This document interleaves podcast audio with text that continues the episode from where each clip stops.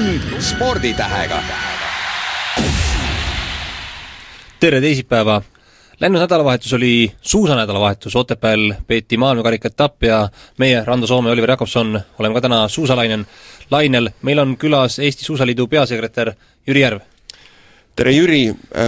Otepäält tulemustega tuleb selliseid vastuolulisi, vastuolu, vastuolulist infot. suusatamise peatreener Mati Alaver ütles, et tema võib koondise esinemisega põhimõtteliselt rahul olla, Jaak Mae üheksas koht, aga ütleme, spordisõbrad noh, ilmselt ootasid natuke enamat, mis su enda tunded selles osas on? tervist kõigepealt, jah, eks siin ei, ei saa spordi, spordisõbral seda pahaks panna, et me oleme ise selle lati nagu nii kõrgele ajanud, et et kodune võistlus on meie jaoks üks, üks tiitlivõistlus ja seal on see esinemine hästi oluline, aga noh, paraku siia jätsid oma jäljed sportlaste läbipõetud haigused ja, ja see pool, et noh, selles suhtes Mati Allaveril on ka õigus, et see on nagu meie, meie hetkeseis, et et nii ta, nii, nii ta seekord läks ja samas ei ole ka siin midagi häbeneda.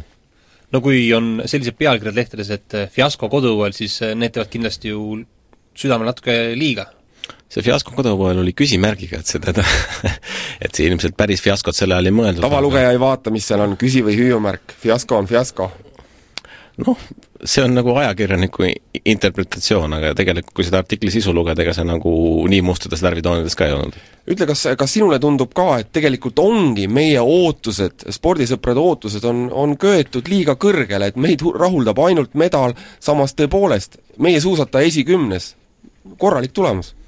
jah, selles suhtes küll, et Kristiina Andruse ja Jaagu ette sõidetud tulemused kindlasti mõjutavad rahva ootusi. Kui sa vaatad nüüd sedasama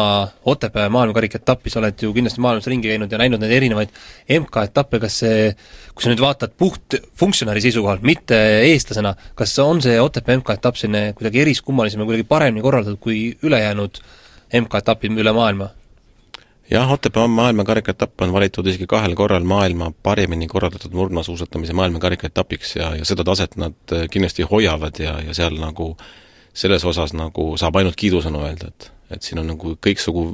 peenikestele tehnilistele nüanssidele väga palju mõeldud ja ja kui veel juurde panna see, et, et kõik sportlased tunnevad siin Eestis võisteldes nagu enda kodus võisteldes, siis see publiku pool veel juurde panna, noh siis siis ongi maailma parim üritus valmis. no kui me läheme natukene ajas tagasi, siis mõni nädal tagasi laius ju must maa igal pool, et kas siis tegi natukene nukraks ka või kurvaks, et äkki jääb jälle, juhtub midagi ja ei, ei saa seda pidu korraldada? Korraldusmeeskond Alar Arukuusega eesotsas on noh, teinud väga head tööd ja sellel aastal olid ilmastikutingimused veidi paremad kui eelmine aasta, et seda kunstlund sai ikkagi teha oluliselt varem enne võistlust ja, ja ei olnud sellist viimase minuti peale otsuse jätmist. aga eelmine aasta oli see asi küll ikka nagu väga väga-väga nugada peal samamoodi see nii enne üritust kui ka pärast üritust, kus see nii-öelda minutitega lumi sulas ja ja oleks see startunud tund aega hiljem pühapäeval, siis ilmselt poleks enam võistelda saanud, et mina vaatasin seda, neid ülekandeid läbi televisiooni ja, ja tõepoolest noh, pärast lehest lugesin, et kaksteist tuhat inimest olid kohapeal, mul oli tõesti selline pidu, et selline nagu noh, nagu vanasti sai vaadatud Soome televisiooni, kus lehmakellad kõlisesid kuskil lahti MM-il, et see oli nagu selline tõeline lääne suusapidu, et reklaamid, asjad hästi korraldatud, koha peal tunnetasid ka seda, et oli üks suur pidu? Oli küll, oli väga suur pidu ja see kahe tuhande kuuenda aasta publiku rekordi kordamine on, on nii-öelda tänastes tingimustes nagu väga hea saavutus, et laupäevasel päeval ma ise olin küll Tehvani tõusul, et ma kahjuks seda staadionit nagu meeste sõidu ajal ei näinud, aga, see oli ikkagi nagu puu püsti täis, et ja, ja mis just meie publikule saab äh, kiituseks öelda, on see, et, et kui pühapäeval meie sportlased veerandfinaalis edasi ei saanud, siis tegelikult nagu elati kõigile kaasa, kes finišeerisid ja, ja kõik ülejäänud sportlased, kes seal võistlesid, kõikide teiste riikide omad tundsid ennast nagu kodus võisteldes, et noh, seda nagu paljud öelnud. No sul, sinul on siseinfot, ütle, kas Mati Alaver, kui ta tegelikult tuli, pani nii-öelda ukse, meediaga suhtlemise ukse kinni, pühkis higi, ütles, et pagan ikka, ootasin enamat, oli, oli midagi sellist ka või, või tõesti kõik lähe-, kõik on kontrolli all, kõik läheb nii, nagu peab? no pikemas perspektiivis on kindlasti kõik kontrolli all, et meie pea, peavõistlus on ikkagi maailmameistrivõistlused Liberetsis, et et, et sealt medaliga koju tulles siis äh, läheb see võib-olla Otepää üheksas koht meelest ära rahval. no see läheb kindlasti meelest. no võtame nüüd eh, kõik need meie sportlased nii-öelda eraldi lahti või et lahterdame nad vähemalt eh, distantside järgi, meeste distantsil Jaak Maelt siin üsna, üsna, üsna korralik esitus, Andrus Eerpalult kindlasti kõik ootasid koduõuel paremat, aga ehk see põlv annab veel tunda, ülejäänud mehed ei olnud nagu oma kõige paremas vormis, et kas need on ainult haiguste tõttu või on midagi tehtud ettevalmistusel valesti?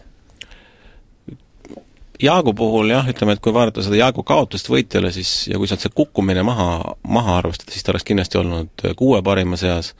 ja võib-olla seal noh, mõningad tehnilised nüansid, mis oleksid veel paremini klappinud, ta oleks olnud kolme seas, et noh, sisuliselt need ka-, kaotusprotsendid ja võitjatega vahed olid nagu väga väikesed. ja ilmselt noh, Andruse puhul mitte põlv, vaid, vaid see läbipõetud haigus, et tema jaoks oli ikkagi nagu lahtisõit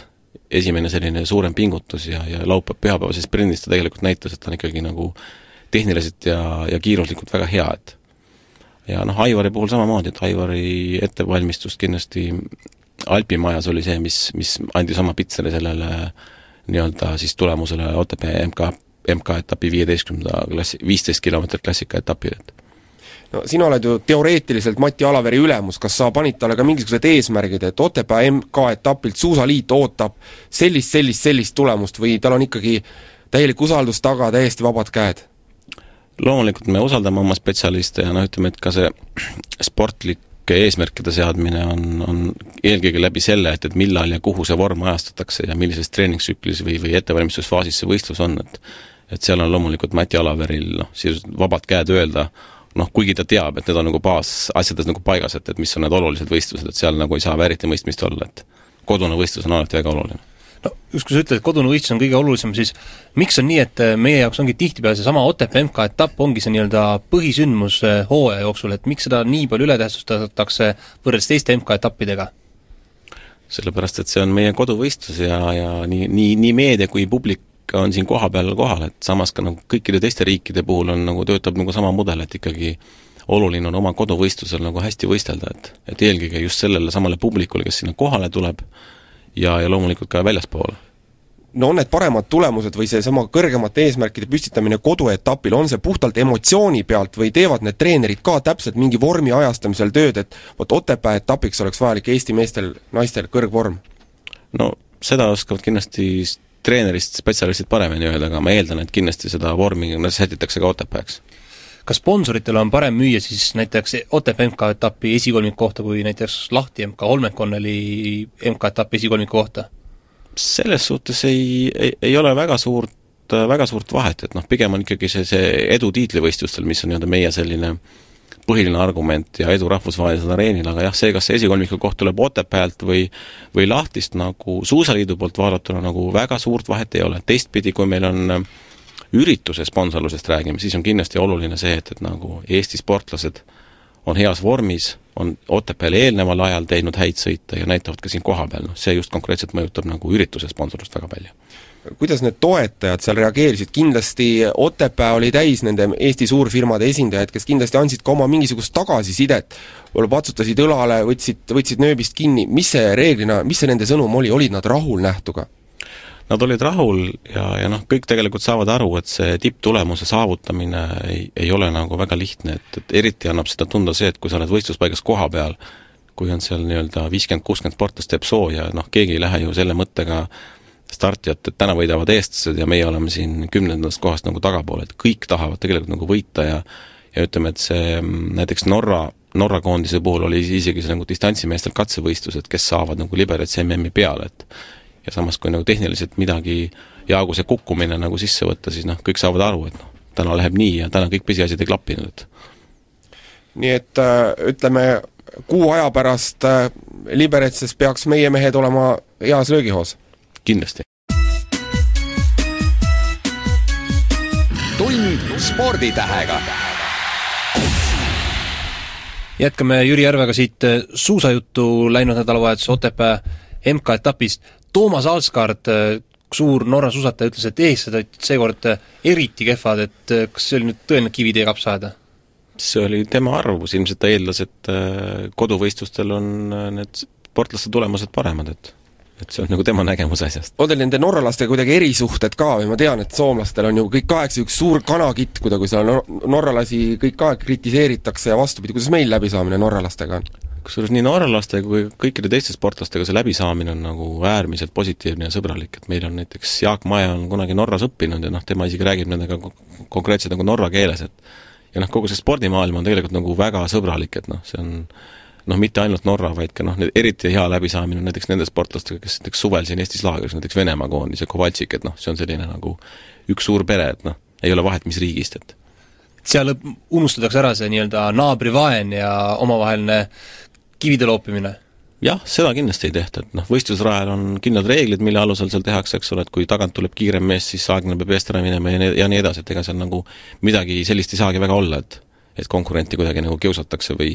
või midagi talle halba tehakse. no soomlased, kellel on viimasel ajal igasuguseid skandaale olnud, kas nende peale näpuga näidata, ka nemad võetakse sellesse ühtsesse perre rõõmsalt vastu? no soomlased on ka meie mõistes nagu ikkagi noh,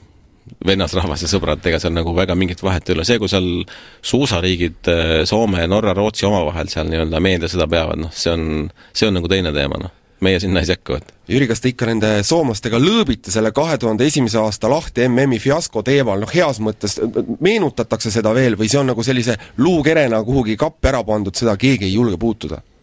ma eeldan, et kindlasti seda ei, ei, ei, ei tuletata neile meelde, see ei ole nagu teema, millest nagu rääkida, et see on nagu kõigi jaoks fiasko, mitte ainult soomlaste jaoks, kogu suusatamise jaoks, et no mäletan jah, Virbi Kuiduneni pisaraid, kui tema käest küsiti jälle ju siin Tour de Ski ja pärast Tour de Ski'd, et jälle sellest samast dopingust, et see on nüüd teema, mida ei tohi keegi puudutada, jah? ei, mitte et ei tohi, aga noh, ajakirjanik on, ajakirjanikel on nagu omad eesmärgid, et seal intriige otsida ja, ja kuskilt keegi teema nagu üles tõstatab, siis, siis, siis nad kindlasti seda jälle kerivad, aga ütleme, et noh, spordiringkondades nendest asjadest väga ei räägita, et noh, sellel ei ole nagu mõtet oluliselt, see on, see oli ja, ja, ja nüüd minnakse muude asjadega edasi no lähme nüüd edasi meie naistega. meestega võime, ütleme siis üsna rahuldav hinde panna, siis naiste puhul ühtegi punktitoojat ei olnud, ma ei tea, kas lootused üldse olid või ei olnud ennem, et keegi võiks jõuda punkti kohale? jah, Kaia Udrasel olid väga head võimalused, ta isegi oli seal esimese ringi ajal nagu päris, päris, päris kõrgel kohal, aga paraku ta jah, lõpuni, lõpuni ära sellel raskel Otepää rajal ei kestnud, et millise võib-olla karuteene nüüd Kristiina Šmiguni needsamad medalid ja tõepoolest jällegi kõrgeks, kõrgeks tõstetud lootused on nüüd naissuusataja, suusatajatele teinud, et äh, ilmselt jällegi spordisõber vaatab, et medalit ei tule, kõik on väga kehvasti. Jah, asjatundlik spordisõber kindlasti oskab seda paralleeli tõmmata, et noh, teab seda taset, et, et kui ikkagi meie praegused naised jõuavad nii-öelda kolmekümne parema hulka, siis see on nagu hea saavutus, et noh, keegi sealt sellist Kristiina, Kristiina sarnast sooritust ei, ei saagi oodata no aga mis on see, mis pärsib meie tüdrukute edasiarengut, me teame, Kristiina on noh, sündinud suusad jalas, isa Anatoli on teda kogu aeg utsitanud, treeninud, kas on asi võib-olla korraliku treeneri puudumises, kes ei vii seda Eesti naistekoondist piisavalt edasi? ma arvan, selles ei ole kindlasti küsimus, et küsimus on ikkagi pigem selles, et noh, mõnele on looduse poolt rohkem antud, mõnele on vähem antud, et aga kas, kas see peab paika, me kusagil lugesime, äkki oli Õhtulehes, et tegelikult praeguse aja Eesti koondise neiud ei treeni piisavalt palju, et kui võrrelda Kristiina omaaegsete mahtudega, siis nagu öö ja päev, on sellel alust? no seal see andekus tegelikult nagu ju see looduse poolt antud nagu väljendubki, et, et et, et kõik sportlased ei jõua treenida või puhtfüüsiliselt ei suuda treenida selliste koormustega, nagu treen-, treenis Kristiina, et noh, sealt see vahe tegelikult nagu tulebki, et no siin oli äh, ka selline uudis, et eks ju no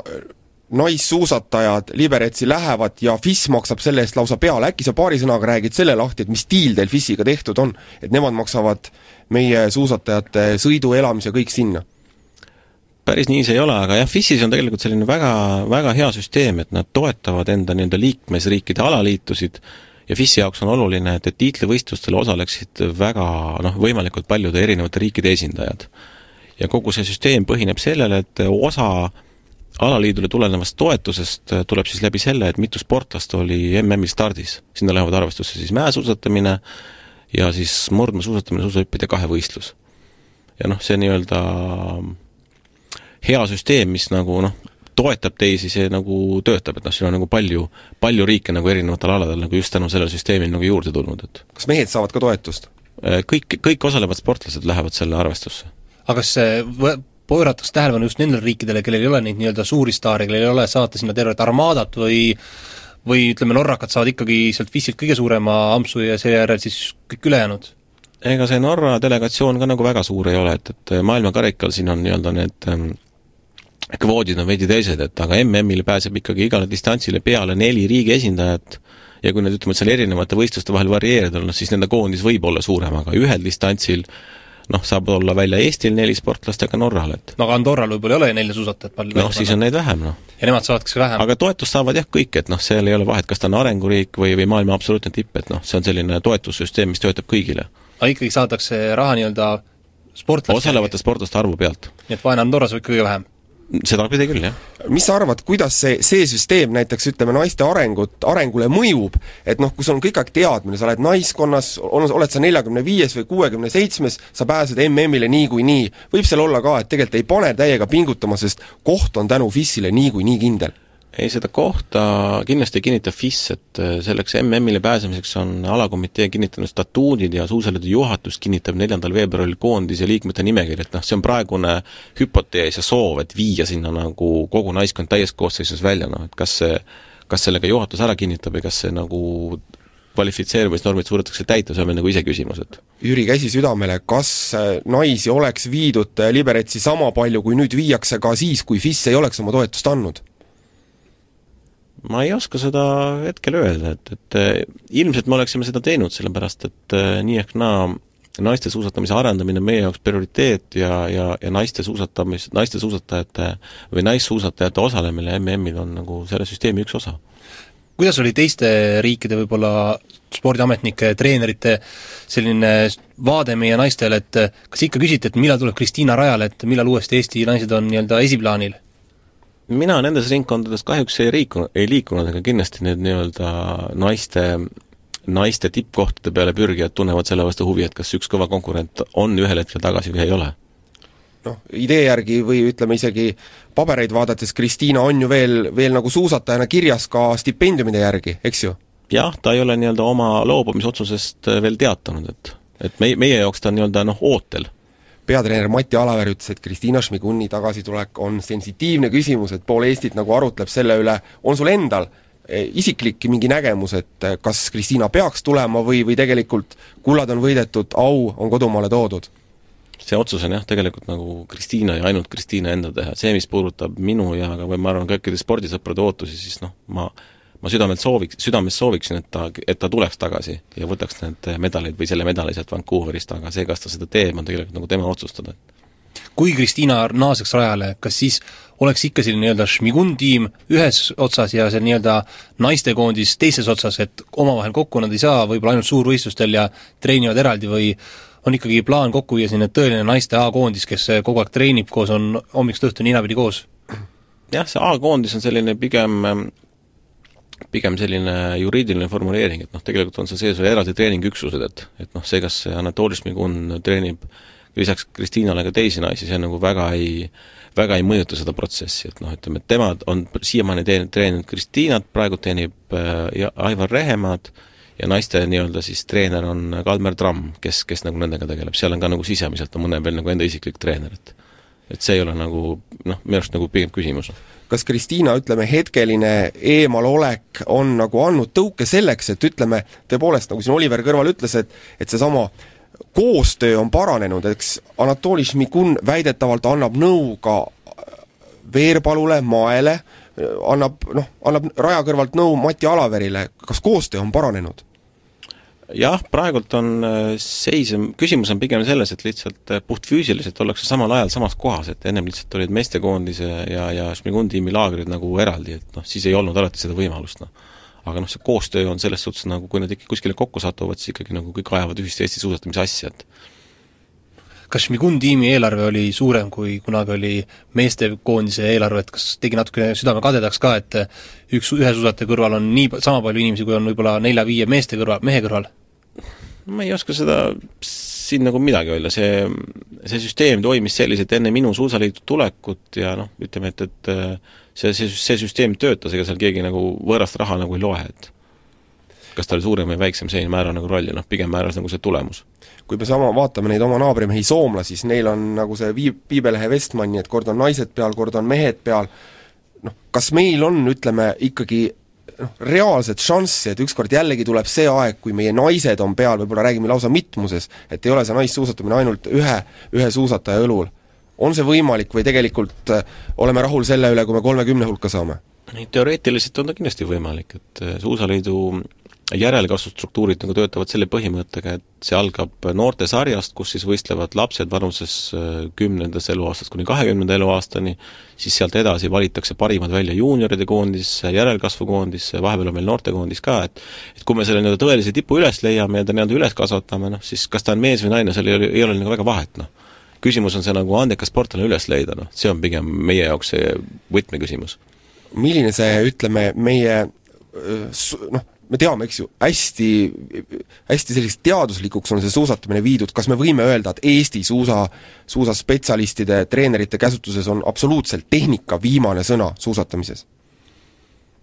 Mm, jah, me jälgime erinevaid mudeleid, mida on mujal maailmas kasutatud ja noh, see tehnika viimane sõna on nagu võib-olla nagu väga lai mõiste, et noh, kindlasti meil on väga hea treenerite know-how, kuidas viia sportlasi tippu, siis Kristiina äh, puhul Anatoli Šmiguni näol ja meeste puhul Mati Alaveri näol ja sprinditreener Björn Kristjanson, teistel aladel samamoodi, Peeter Kukunen kahevõistlus, Martin Hölvart suusahüpped, et noh, kui meil seda kompetentsi endal ei ole, siis me ostame selle sisse, ühel hetkel välisspetsialist on ka välja koolitanud siinse treenerite nii-öelda kollektiivi ja siis saab nagu see seltskond nagu võib-olla isegi iseseisvalt edasi töötada. No tippudel on meil tõelised professiona-, professionaalid kõrval, aga kuidas noortel on, et kas kas me leiame selle nii-öelda järgmise Björn Tääli üles, kui ta kusagil tõesti siin metsa vahel suusatab? ma arvan, et kindlasti leiame, et meil on siin järelkasvustruktuurides ka väga, väga kogenud ja head treenerid, et äh, Kalju Ojaste on juunioride koondises ja Margus Uibo ja Hilja Saarepuu on noortekoondise juures, et selles suhtes sinna taha see kindlasti ei jää. et ei ole nii, nagu jalgpallis öeldakse tavapäraselt, et meil võib ju siin iga päev sündida Ronaldo, aga me lihtsalt ei leia teda üles, ei oska õigesti üles kasvatada? jah, see on nüüd see võib-olla pere ja see lapsevanema teema, et, et kas ta ikkagi selle noh, keegi ju ei näe lapse sisse, et noh, kui suur süda tal seal rinnus tuksub, et, et kas ta ikkagi paneb ta suusatamise peale, kas ta ühel hetkel jõuab sinna suusarajale, et nagu teistega võrdlusesse, et, et aga kui, kui, kui ta sinna jõuab, siis ta kindlasti leitakse üles. tund sporditähega tund spordiga jätkab, Oliver Jakobson, Rando Soome külaliseks on täna Eesti Suusaliidu peasekretär Jüri Järv. Jüri, võtame ette meie sprinterid. parim sprinter oli seekord Andrus Eerpalu. võib-olla noh, mõneti üllatuslikult, mõneti kindlasti mitte, sest oli ju kavas klassikas sprint. mis ülejäänud sprinteritel juhtus, miks nende tulemused olid niivõrd kahvatavad, ainult Peeter Kümmel jõudis punkti kohale? jah, paljud sprinterid äh, olid, oli, olid haiged siin siin meie nii-öelda Otepää eelsel ajal ja, ja Andrus Veerpalu on nii-öelda looduse poole pealt kiire, kiire suusataja, et ta on alati Otepää maailmakarikal sprindis stardis olnud, kui ta on võistelnud ja, ja reeglina ka reeglina edasi saanud, et minu teada isegi on tema käes meie sprindi kõige kõrgem koht üldse vist aastast kas kaks tuhat kolm äkki või, kus ta vist oli, klassikasprindis vist oli isegi kolmas, et et selles suhtes ta on, on, on kiire sportlane ja, ja, ja ta võistleb. sprinterite peatreener on norralane Björn Kristjansen, et äh, ta on suhteliselt trumme tagunud meedias, et kohe-kohe peaks nagu tulemusi hakkama tulema, kuidas näiteks Suusaliit on Kristjanseni tööga rahul? eks me selle hinnangu anname hooaja lõpus, et noh, ütleme need haigestumised noh, ei, ei, ei ole nagu treeneri, treeneri süü, et kui need viirushaigused ikka kuskilt üles korjatakse, siis, siis siin ei ole paraku nagu midagi parata, et aga eks me, eks me, eks me nagu kevadel vaatame, et noh, põhivõistlus on kindlasti nagu mm, et noh, ja Peeter Kümmel ikkagi sprindikoondise liikmena oli samuti punktidel ja ilmselt äh, läheb siit edasi veel paremaks, et et temal nii-öelda ka üks esimesi maailmakarika etapi starte oli Otepääl nüüd. no kui ma vaatasin neid sprindi eelsõite, siis kohati küll tunne, kui oli näidata Eesti poissi ekraanil, siis ta sõits nagu Vaasa Lopeti maratoni, sinna väga-väga hädiselt ja mitte, mitte väga, väga kiirete liigutustega, samas kui norrakad ja ütleme seal soomlased tõesti käed ja jalad käisid nagu õmblusmasinal, et kas on äh, Björn Kristjanson äkki võib-olla liiga üle pingutanud sellise eeltreeningitusega? noh, visuaalse vaatuse põhjal kindlasti ei saa põhjapanevaid järeldusi teha, et seal on palju suusatajaid, kes tegelikult näiteks Aksel Teichmann ja Toomas Aalskord omal ajal, kes tegelikult nagu näisid nagu liikuvad väga aeglaselt, aga tegelikult see liikumiskiirus oli nagu väga suur, et Nad olid muidugi suured võimsad mehed ka. no ütleme, et see on jah, selline tehnilised nüansid, et noh, kes, kes kuidas nagu suusatab, et loomulikult protokoll näitab enda aega, aga noh, ma väidan ikkagi, ikkagi, ikkagi seda, et noh, see, kui sa tõusu peal seal Justina Kovaltšik näiteks lihtsalt jooksis ja rabeles, et noh, Kuidunen sõitis rahulikku vahelduvtõuget, et see on selline tehniline eripära pigem no ikkagi, mis neid meie praegu sprintereid pärsib, et eh, kas võib-olla see Björn Kristjansen tulek, tema selline Norra know-how, kus tal saab iga päev töötada meeste, kellel on hommikust õhtuni suusad all, kes teavad, kes on sündinud ema-isa piimaksele suusateadmised kaasa jäänud, võib-olla ta praegu paneb liiga suuri panuseid meie noortele poistele? Ei usu, et meie sportlased sellest nii-öelda suusatamise pisikust väga kaugel on, et see on ikkagi ka meie meie traditsioonides nagu väga sügavalt sees, et Norras jah, võib-olla suusatatakse rohkem kui, kui, kui Eestis praegult lumeoludest tulenevalt, aga ma arvan, et see on, ma arvan, võib-olla, võib-olla mingi muu põhjus, et no sina suhtled ka kindlasti nende Norra suusaringkondadega, kui kõrgelt teda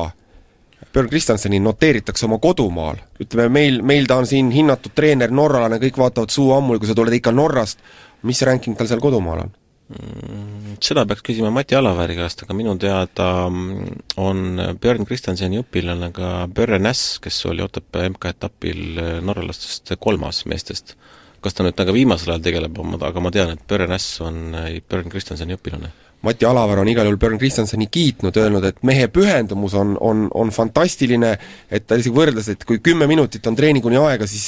Kristjanseni suunurkadest hakkab sülge tilkuma, nagu Pavlovi koeral. Et, et mis on selle norrakatelegi selline tõelise edu saladus, et äh, viis norrakat finaalis, üks vaene rootslane nende vastu, nende vastu,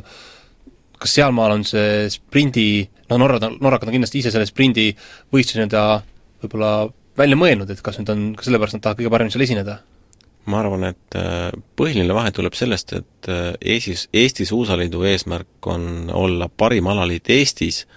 ja edu rahvusvahelisel areenil, aga Norra suusari-, suusaliidu eesmärk on olla parim suusariik maailmas. ja, ja arvestades nende nii-öelda potentsiaali ja nende rahvaarvu ja kogu seda traditsiooni, siis noh, sealt see, sealt see vahe nagu tulebki, et see aluspind on nagu nii lai, et kust saab nii-öelda välja valida need äh, andekad sportlased ja nendega nagu tipu,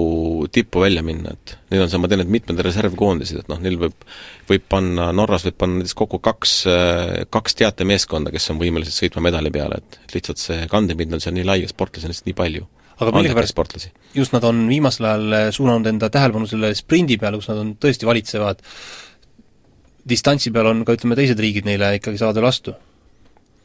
jah, ilmselt äh, on ka see, et, et neil on väga palju sportlasi, pääseb üldse nagu starti, et ma tean, et praegu Otepääl sai isegi vist üheksa norralast sai kolmekümne parema hulka, et ma võin nüüd eksida, aga ma ei oska peast öelda, kui palju neid üldse nagu stardis oli, aga neid oligi väga palju, noh. ja kuna nad on juba ise tugevad, siis noh, parimad saavadki edasi ja, ja, ja võib juhtuda, et nad ongi kõik seal finaalis koos Mati Alaver on tsiteerinud Heinz Valku, öelnud, et ükskord tuleb äh, sprindis medal niikuinii maailma karikaetapilt MM-ilt, jagad sa Mati optimismi? muidugi jagan Rando, sa oled vist Mati Alaveri mingi isiklik päevikupidaja. ma, ma lugesin, Oliver, ma lugesin üle selle intervjuu, mis ma Matiga tegin ja sealt tõepoolest selliseid pärleid tuli ja, ja, ja, ja alati ta, ta räägib nii hästi, et selles mõttes on ta, on ta, on ta väga hea PR-mees kogu alale. ja, ja sina oled selline tema uska, ustav skaut, kes kõik Võt, need kirja paneb? selles mõttes äh, Mati Alaveri ees respekt küll, jah. Jüri, no ma usun, et sa jagad äh, Rando sellist respekti, on Mati Alaver selline Eesti suusatamisele PR-i suhtes toonud väga palju kulda ja karda? No kindlasti nii PR, treenimine, ala arendamine laiemalt, sponsoritega suhtlemine, kõik see kokku, et noh, ta on ikkagi selles alas nagu väga asendamatu inimene. kui palju mingeid selliseid kriisikoosolekuid peetakse kusagil suu-, suusaliidu või ütleme, suusakoondise seltskonnas, tead sa ka, et Mati on näiteks võtnud Björn Kristjanseni ette, et teinud talle mingisuguseid noh, mingit peapesu, mingite võib-olla möödalaskude pärast? Jah, nende sportlike küsimustega tegeldakse nii-öelda noh, administratsiooni ja büroo väliselt, et noh, minul on need teemad büroosse väga ei jõua, et, et me pigem vaatame neid tulemusi, arutame selliseid ala üldisi arengu, arenguküsimusi, mida nagu vaja teha on, et see jääb kõik nii-öelda siis murdmaasuusatamise koondise sisse, et kindlasti mingid koosolekud peetakse, arutatakse erinevaid teemasid, aga mida täpselt, noh, seda peab küsima sealt nende inimeste käest. kas Mati Alaveril on meie suusamaailmas selline autoritaarne koht ja selline võib-olla suur ma ei tea, respekt, et, et tema on nii-öelda arvamusliider? ma arvan, et ta on kindlasti arvamusliider, kuna ta on kogu selle murdmaasuusatamise süsteemi Eestis üles ehitanud, et ilma temata kui ta seda üheksakümne kuuendal aastal alustas, ma arvan, sellisel tasemel ei oleks, noh muidugi on kindlasti eelnevad peatreenerid, Hein Kinks ja kes on seal nagu kõvat tööd teinud, aga ütleme, et just see viimase aja, viimase aja edu on just nagu Mati Alaveri teene no aga ega ta ei suhtu näiteks sinusse, sa oled aastaid hiljem tulnud suusaliitu kui poisikesse, et härra Sakutt, tule nüüd mind siin õpetama? no eks igalühel on oma roll, et noh, mina olen selline organisatsiooni administratiivse ja turunduse poole inimene, tema nii-öelda tipptreener, et noh, me nii-öelda üksteist nagu mõlema nii-öelda siis kompetentsivaldkondades nagu väga ei kritiseeri, et me pigem teeme ettepanekud, kui on vaja, aga noh, ikkagi igaüks jäägu oma liistude juurde on teil seal äh, Suusaliidus mingi selline salaplaan ka, et kumba te hakkaksite, te hakkate rohkem eelistama neid distantsisuusatajaid või sprinti, et kumb see võib-olla kahte, kahte, kahel kivil ei suuda võib-olla istuda samaaegselt? ei, seal määrab juba selle valiku selle ära, et noh, sportlaste enda spetsialiseerumine, et noh, kes on äh, hea sprinter ja kes on hea distantsimees, et et, et ma arvan, see vahe tuleb nagu sealt, et ega seal ei saa öelda, et noh, üks pärsib teist või nii, et ikkagi mõlemad on olulised ja, ja mõlemas oleks vaja edu saavutada. No kas on nii, et viimasel ajal võib-olla noored, kes peale tulevad, valivad meelega selle sprindi, kuna see on nii-öelda visuaalselt on hoopis lihtsam, sõidad seal oma ühe koma nelja kilomeetrise ringi, seda neli korda, mis on ikkagi vähem kui ütleme, viisteist kilomeetrit või kolmkümmend kilomeetrit või maraton viiskümmend kilomeetrit, et et seda võhmatreeningut, selliseid nii-öelda Jaagu haamreid, nagu Raul Ollet äh, tsiteerida, ei pea üldsegi tegema ma ei usu, et need valikud sellel alusel tehakse, pigem on ikkagi see inimese või sportlase organismi eripära, et kes, kellel on kiired lihaskihud ja kes nii-öelda ei ole nii vastupidav, see suunab sprinti, kes on nii-öelda hea vastupidavusega, tema on võimalus läbi lüüa distantsi peal, et noh, need valikud tehakse, teevad kindlasti sportlased ise ära, et kus neil on potentsiaali läbi lüüa. tund sporditähega me oleme siin rääkinud kolmveerand tundi murdmaasuusatamisest eh, OTP MK-etapist, tegelikult eh, meie suusatajad on ju olnud siin võistlustules ka mujal maailmas, hiljuti lõppes eh, mäesuusatamise, vabandust, lumelaua maailmameistrivõistlused, selline ekstreemne ala, uus ala, et kuidas meie eestlastel seal läks, et on see ala, mida me võiksime arendada? Jah, meie sportlased osalesid äh, Koreas peetud maailmameistrivõistlustel ja, ja läks päris hästi, et äh, Kadri Pihla oli lumelauakrossis kahekümne neljas ja, ja viimase alana siis äh, Big Airi hüpetes oli Mark Tuubas kakskümmend neli, Marju Visnap kakskümmend kaheksa ja Sule Paala kolmkümmend kaks. et lumelaud on jah, selline mm, meie mõistes ekstreemspordiala, aga tegelikult nagu maailmas panustatakse sinna päris palju lumelauahüpped on selline ala, mida me saame Eestis harjutada ja sellepärast on meil ka seal neid sportlasi rohkem kui, kui üks, aga lumelauakross on ikkagi puhas alpiala ja noh, Kadri Pihla paraku saab ainult oma suvise baasettevalmistuse siin Eestis ära teha, et enamus ajast ta peab ikkagi kuskil mägedes sõitma. Tugitoolisportlased võivad arvata, et see lumelauasport on selline hip-hopparite niisugune kerge spordiala, joome energiajooki, teeme mõned hüpped, näksime marssi peale, et kui professionaalne see tegelikult on? Sneakersid noh, ütleme need äh, muusikastiil ja need suupistid võib-olla käivad sinna juurde, aga, aga jah, tegelikult ta on ikkagi nagu koordinatsiooni nõudev nagu spordiala, et näiteks Maarjo Visnapi ettevalmistus suvel oli osaliselt suusahüppeid, mida ta tegi, näiteks osales suverulli aeg peetud meeskonnavõistlusel, osales siin varem treeninglaagrites samamoodi suusahüppetes, et saada seda torni ja hüppe nagu tunnetust, et tegelikult on ikkagi nagu väga tõsine sport, et ta võib küll tunduda, et need riided on, millega nad hüppavad, on sellised väga laiad ja lohvakad, et see jätab sellise nagu ebaprofessionaalse mulje, aga see kindlasti seda ei ole. kas nad oma olemuselt on ka sellised võib-olla natukene lille, lillelapsed, et sellised tänapäeva hipid, et ja hip-hop on popp ja kõik muu on savi, et peaasi, et saaks oma laua alla panna ja saaks oma hüppe ära teha, või on, ütleme, e-, või erinevad nad väga palju meie, ütleme, murdmaasuusatajatest, kellel on selline rassimine, rassimine, tõsine talumehe töö kogu aeg mingid erinevused kindlasti on, et nad on jah, võib-olla nende jaoks on see lumelaud pigem nagu elustiil ja, kogu see treeningprotsess on ikkagi nagu, seal on hea, kui seal on treener juures, aga pigem nad on suurte seltskondadega koos ja õpivad üksteise pealt, et, et see noh, sealt need erinevused nagu tulevadki, noh. kindlasti seal on oma distsipliin ja asjad, aga noh, see lihtsalt töötab veidi teistmoodi. no milline on Suusaliidu vaade lumelauale, kas nad eh, on lihtsalt üks asi, millega tuleb tegeleda, kuna kõik ülejäänud eh, maailma riikide suusa, suusaliidud ka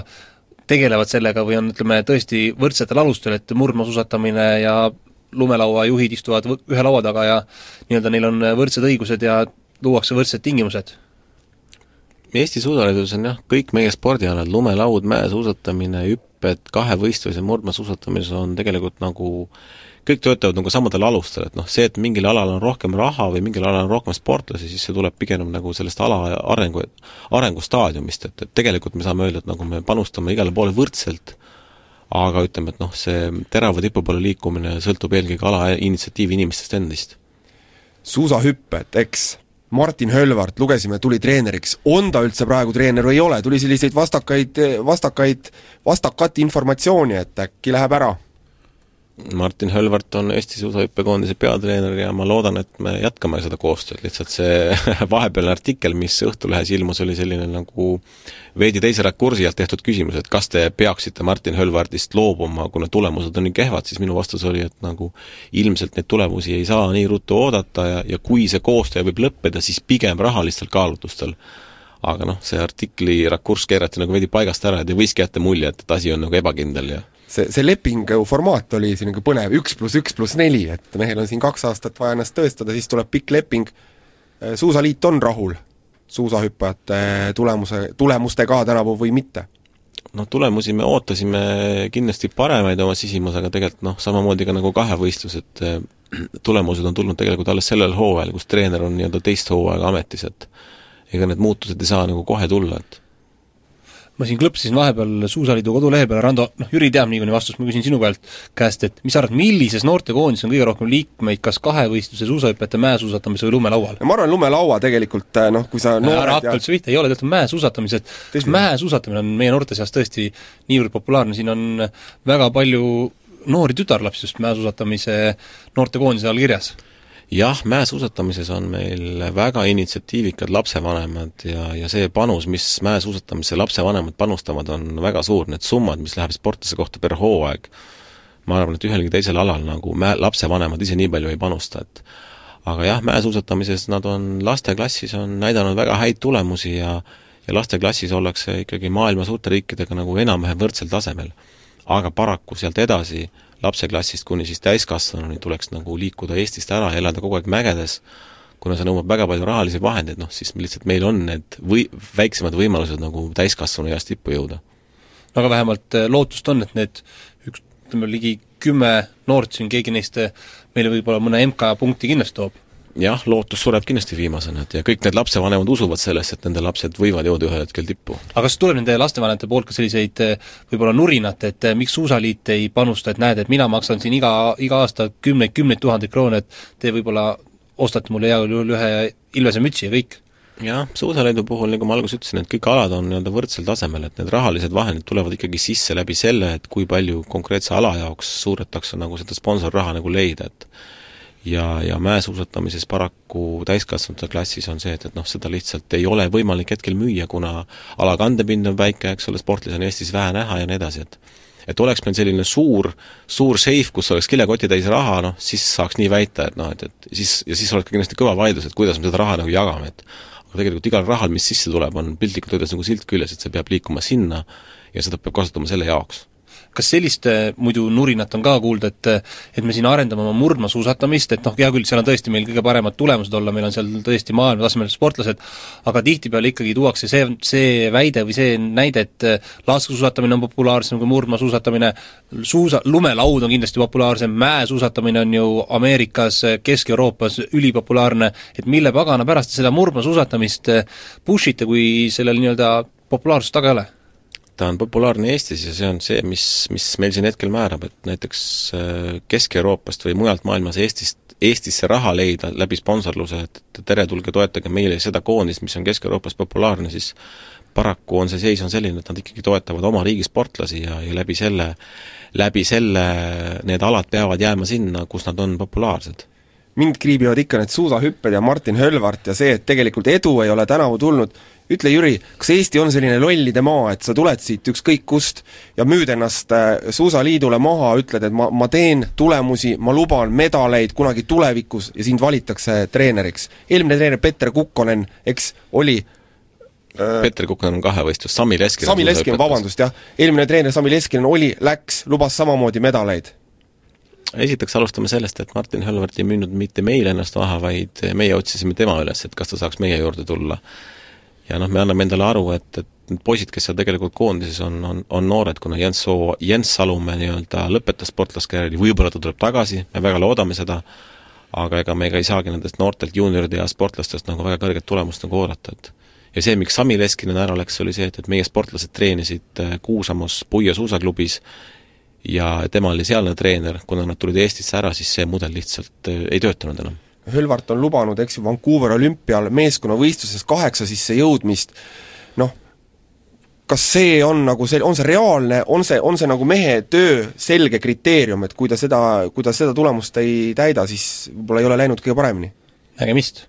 Äh, me jah, eeldame, me, me, me siiralt loodame, et nad jõuavad meeskonnaga kas siis kaheksa või kümne parema sisse Vancouveris, et noh, praegult ma tean seda, et, et Martin on ise öelnud, et noh, need pisi, pisi, pisinüansid, millest on kinni see viis kuni kümme meetrit kaugemale lendamine, on tegelikult nagu teada, et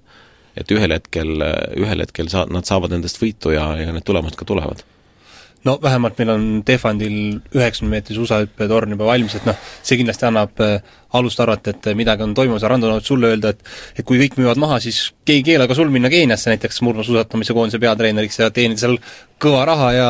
Matiga räägin, ma kaalun seda, äkki tal on suhteid seal. jah, Tansaaniasse või kusagile, Rando Soome, Tansaania koondise peatreener murdmaasuusatamises. suur tänu, Jüri Järv, praegu on ilus talveilm, ma usun, et kindlasti suusad alla ja kõik Nõmmele sõitma või nädalavahetuseks Tehvandile jah, kutsume kõiki suusatama, kuni neid kauneid lumealusid veel on. suur tänu ja nägemist, kohtume jälle järgmisel teisipäeval! tänud kutsumast! tund sporditähega